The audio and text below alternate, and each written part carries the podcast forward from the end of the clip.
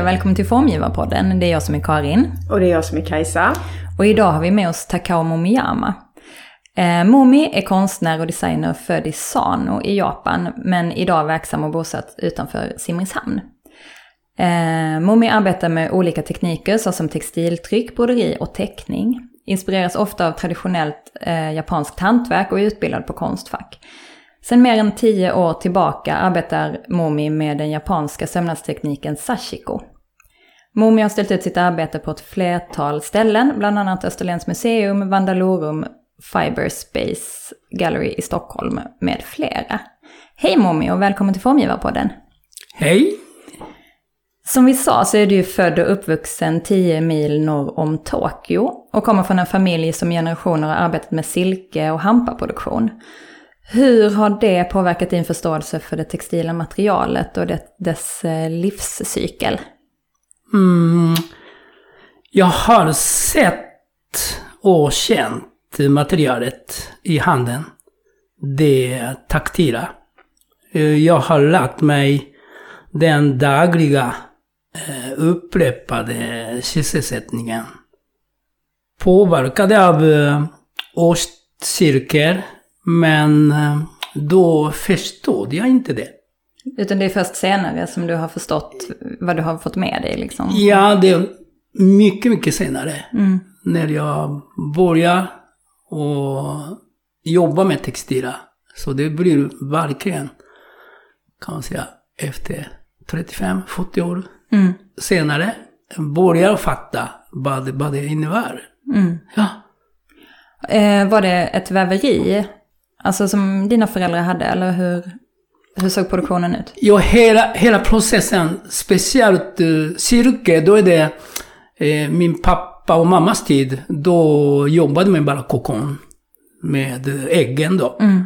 Så mullbärsträd och du vet, allting. Men just uh, hela processen av uh, tillverkningen av hampa uh, tills man tog fram fibret var ju sån årstidernas jobb. Så fyra säsong hela tiden. Och den, den är väldigt krävande jobb. Mm. Och jag tror inte många kan klara av det nu för tiden. Så det, jag tror detta jobb som de har gjort nästan försvann från Japan. Mm. Och nu för tiden man köper uh, hampa från Kina.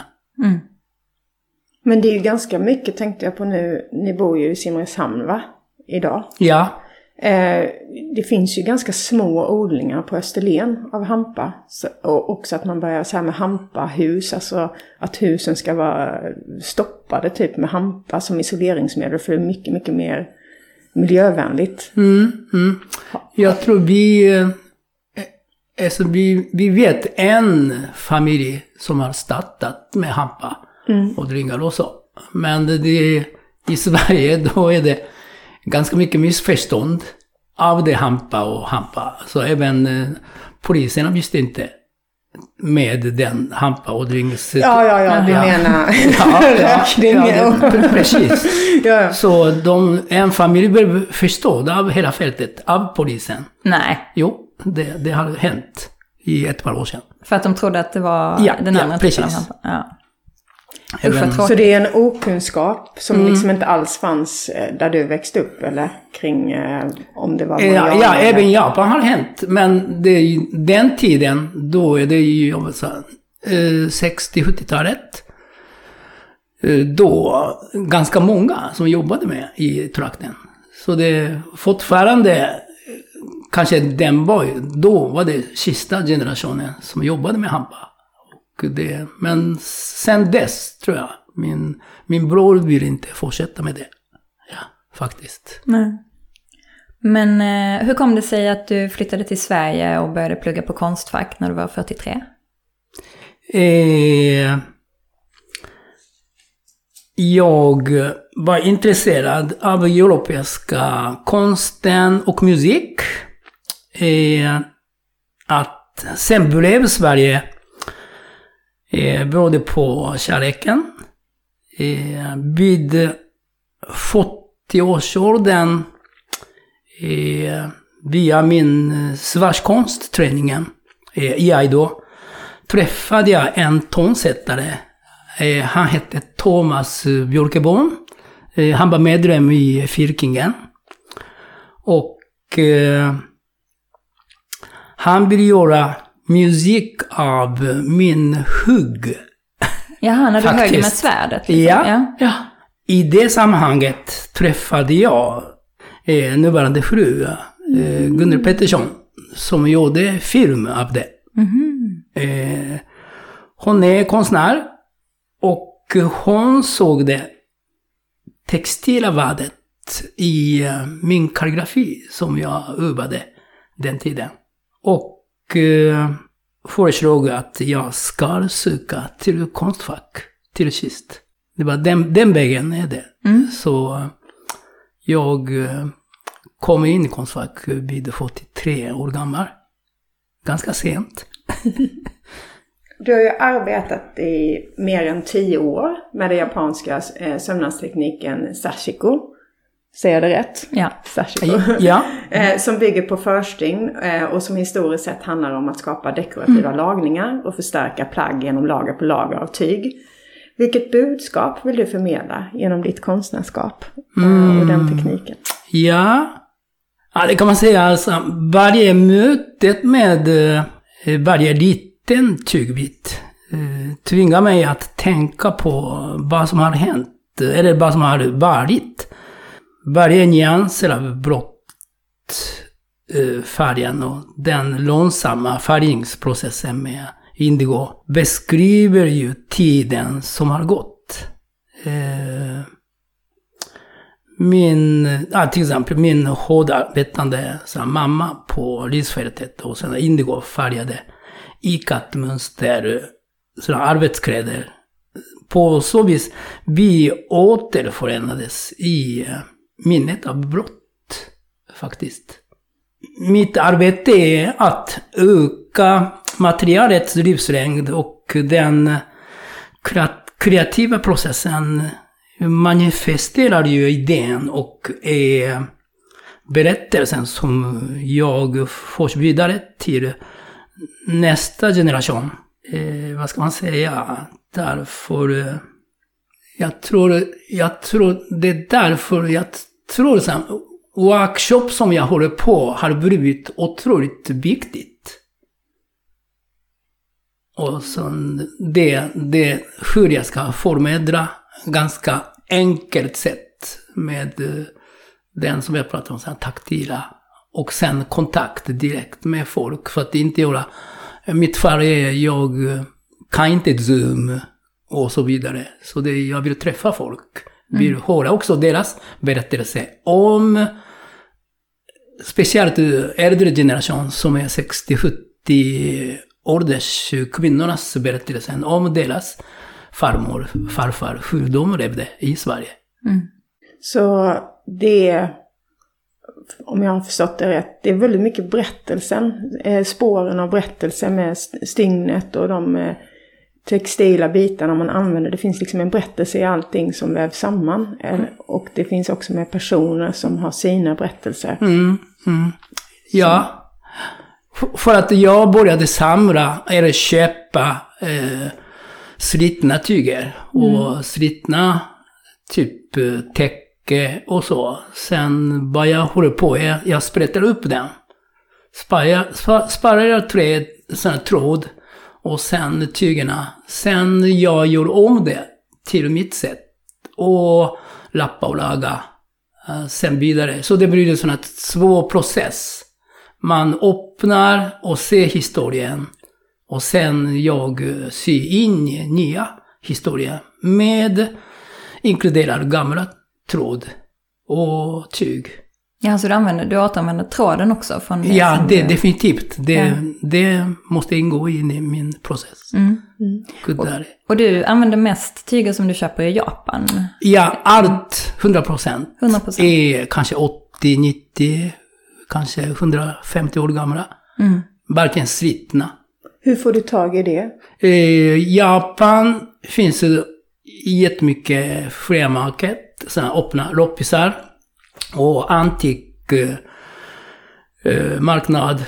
Och eh, en sak som är märkligt, men Japan har fortfarande lumphandlare. Jaha. Ja, som handlar slitna tyger. Mm. Som är handelsvara. Fortfarande. Och det är jätteintressant. Det är ju jätteintressant med tanke på den tiden vi lever i nu. När man måste Ja, liksom precis. börja Jo, jo. förstå att gamla sätt som vi har kopplat bort från eh, västvärlden Mm.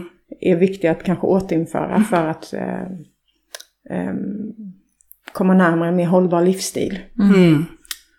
Så det, det handlar om så här, gamla möbler, där finns också finns tygerna som är både eh, fina och inte visat någonting i kanske hundra års tid. Sen alla gamla, jag vet att handlaren berättade mig att många, många familjer i norra delen av Japan som jag handlar fortfarande massa boxar som har inte öppnat i hundra års tid i, längst in i huset. Och nu de knackar dörren och sen de kommer fram. Så det finns hur mycket som helst. Faktiskt, man kan fortfarande kan man köpa. Ja.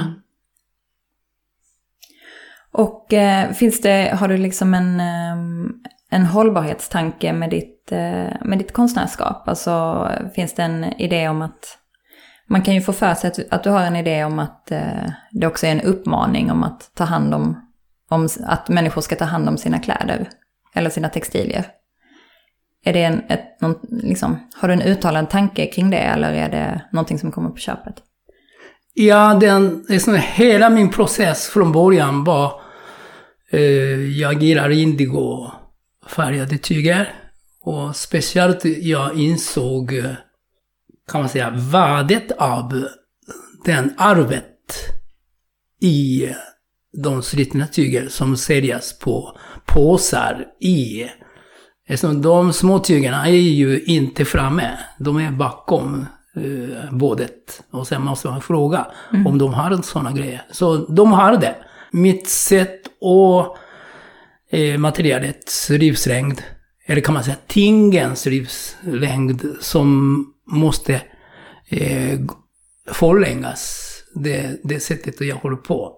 Plus eh, eh, den där ic- icke-kommersiella eh, sakerna som är grunden till mig.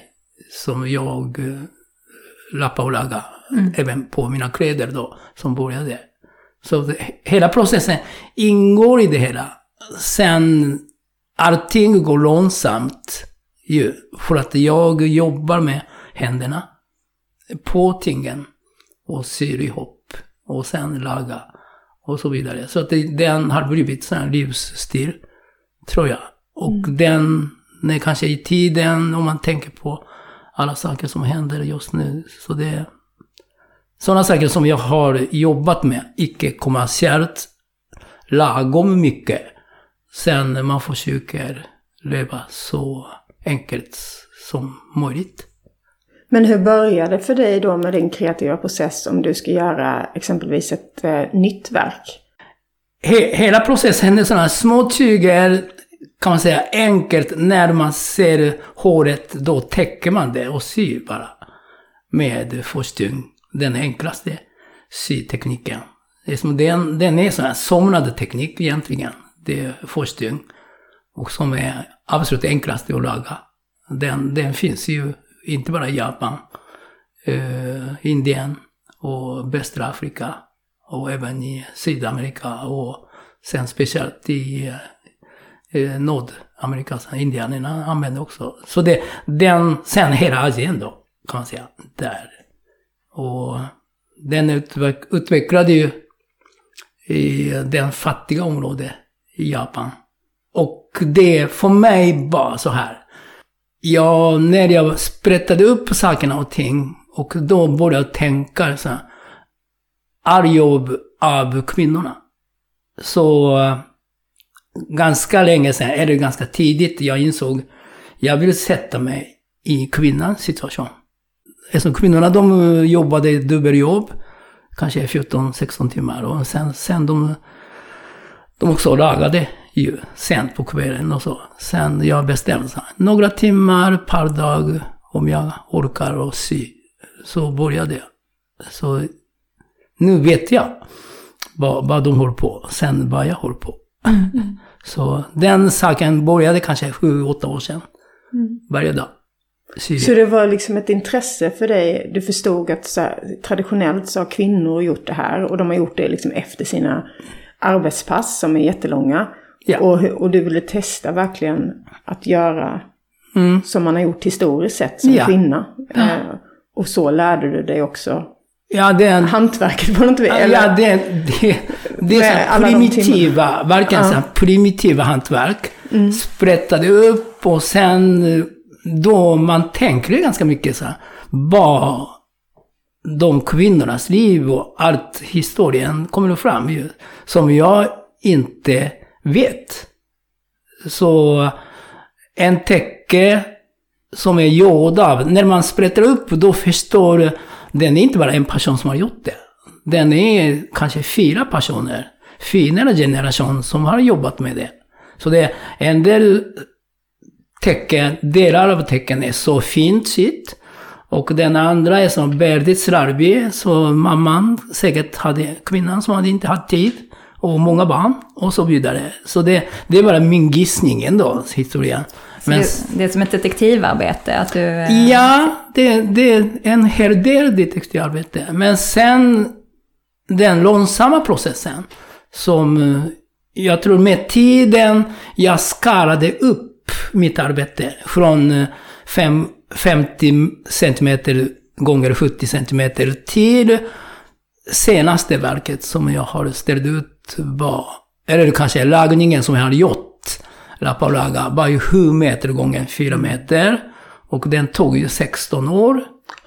Och då, då under 16 års tid, min pappa dog och sen, eh, sen svärmor dog och sen barnen växte upp liksom från 6 till eh, 20, så- det är såna 22 och så vidare. Så det är hela min historia, min dagliga, eh, är också sy in. Så det är ganska mycket historien i själva verket. Det är ju otroligt eh, vackert. Det, det eh, liksom kastar ju om ganska mycket tankar kring eh, tid och vad det är och spår och Mm. Ja. liksom traces. Eh, Men visste du när du började med det stora verket att det skulle bli så stort? Eller var det att, har det vuxit och vuxit? Nej, den är, den är ganska eh, rolig historia. Eh, när jag skulle vara med i Bandarorum, då Erna Svenle, chefen, frågade mig, Momi, kan du täcka ena sidan? Liksom, då spontant jag sa ja, jag kan täcka med. Eftersom jag trodde jag kunde göra med alla material som jag har. Så åkte hem och tagit fram alla tecken. Så alla tecken som jag har lagat. Eh, Så sju gånger fyra meter är egentligen består av tolv stycken eh, tecken. Mm. Som jag har jobbat. Så det tog tre månader att sy ihop och gjorde till ett stycke som hette Arvet. Själva processen är så egentligen så enkelt. Bara sy ihop. Men sen jag tror det är alltid sen hur man gör det. Mm. Och det, det är viktigt. Och sen, man måste veta, i alla fall mitt jobb, eh, ja, den typen av verket kräver ju tid. Och det, man måste ha tålamod och sen disciplin och sånt. Som är, jag är väldigt tränad sen jag var tio, ungefär 60 års eh, erfarenhet. Tror jag ingår i det hela. Menar du att du är tränad både med den här kampsporten då, Mm, budo, som mm. egentligen inte är en Ja, kamp, ja, ja. och även på grund av att du, den uppväxten du har, att man har ar- en förståelse, kanske arbetat på fält och... Ja, den, den upprepade dagliga saker som jag såg pappa och mamma. Jättetråkigt. Ju. Jag förstod inte att det var så viktigt. Och man kan inte bara ta någon dag ledig. Nej. Så man måste jobba med varje dag. Och ta hand om de sakerna. Det, det, jag tycker, nu tycker jag det är väldigt intressant. Nä, nästan som vi väntar ju när tomaterna ska mogna. Det tar ju lång tid. Men eh, upplever du att intresset för hantverket eh, har förändrats under den tiden du har va- varit verksam? Och i så fall på vilket sätt? Hantverket intresse nu också intresserar unga människor. Också kopplat till den världen vi lever i.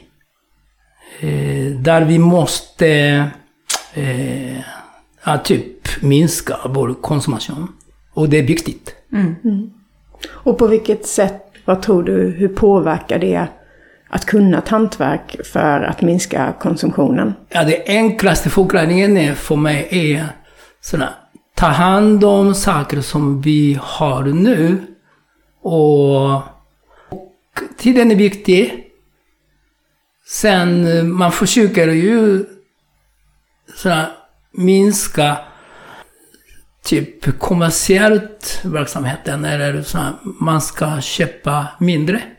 Faktiskt. Köpa mindre nytt kanske? Då? Ja, ja. Helt enkelt sådana enkla saker som jag tar hand om mina kläderna. Som är kanske uppåt 20 plagg som jag har använt och lagat i många, många år. Och det, den, jag tror att den vägen är det. Och, och se, man måste se kring vad, vad, vad vi kan göra. Som vi kan använda. Så att det inte bara eh, lever i den där i och slit och släng samhälle som vi är med. Jag tror att man kan bromsa lite grann. Det är en sak är, jag, jag tycker det är jätteviktigt att stanna och se kring.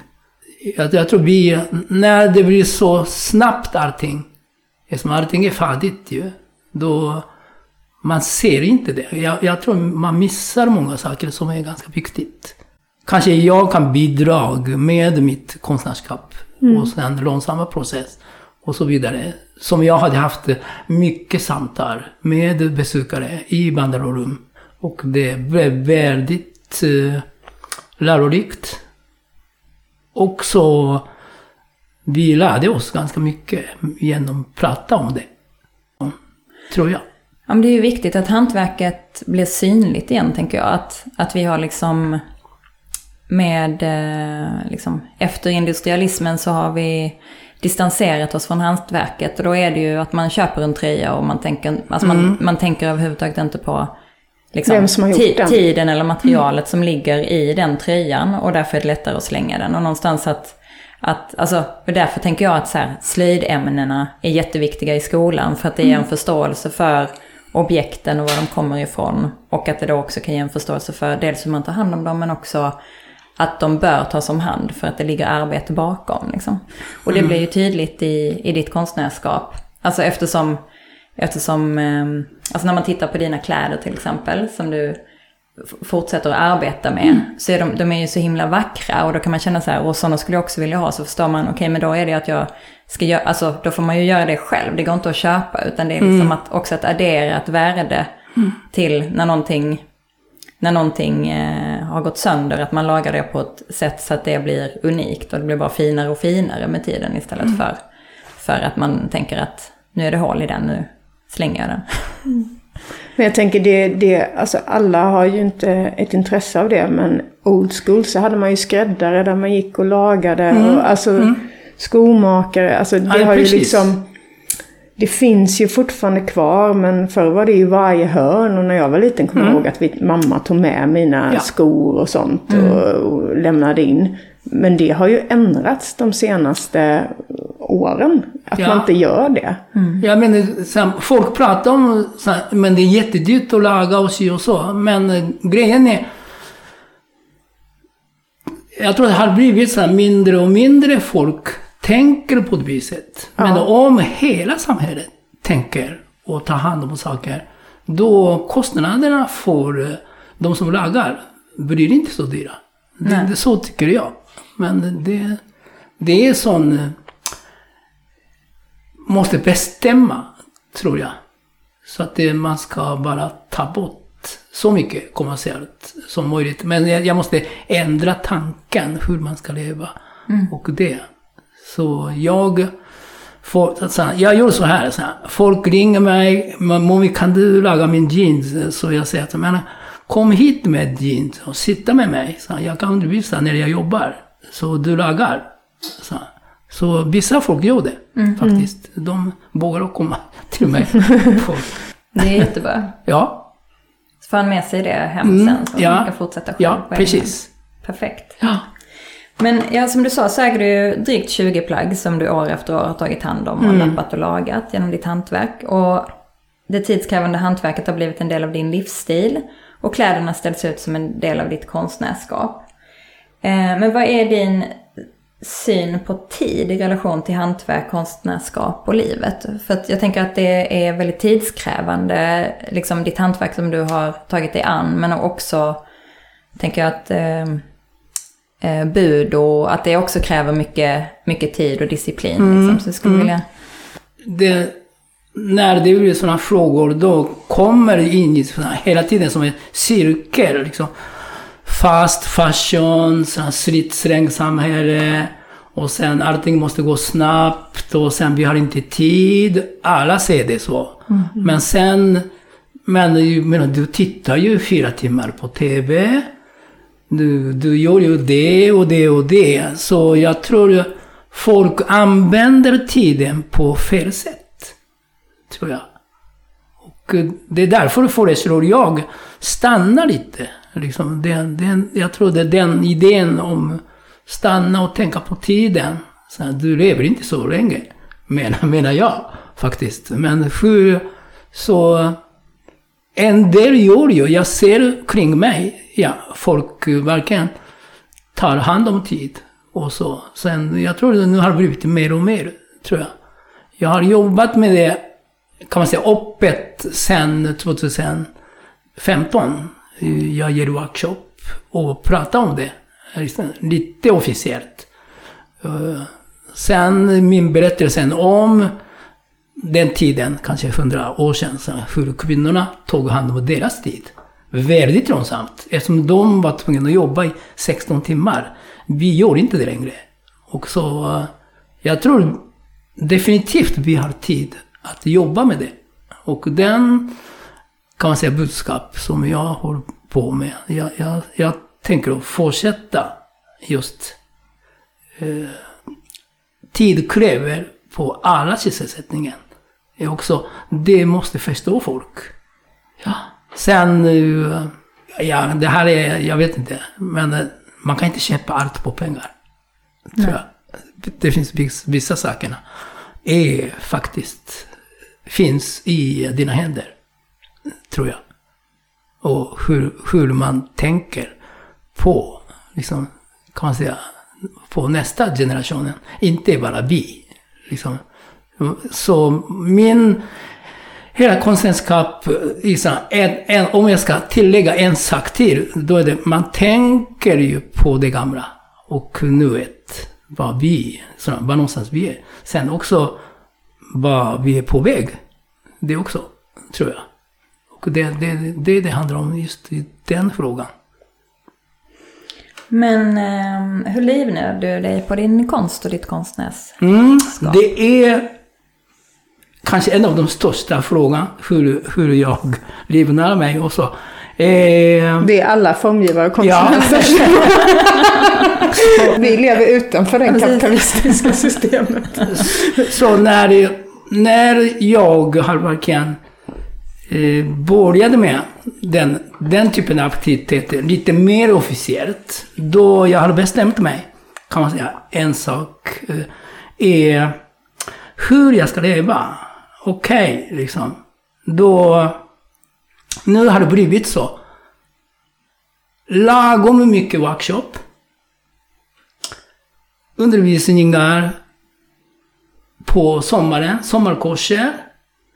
Och eh, försöker sälja mina saker.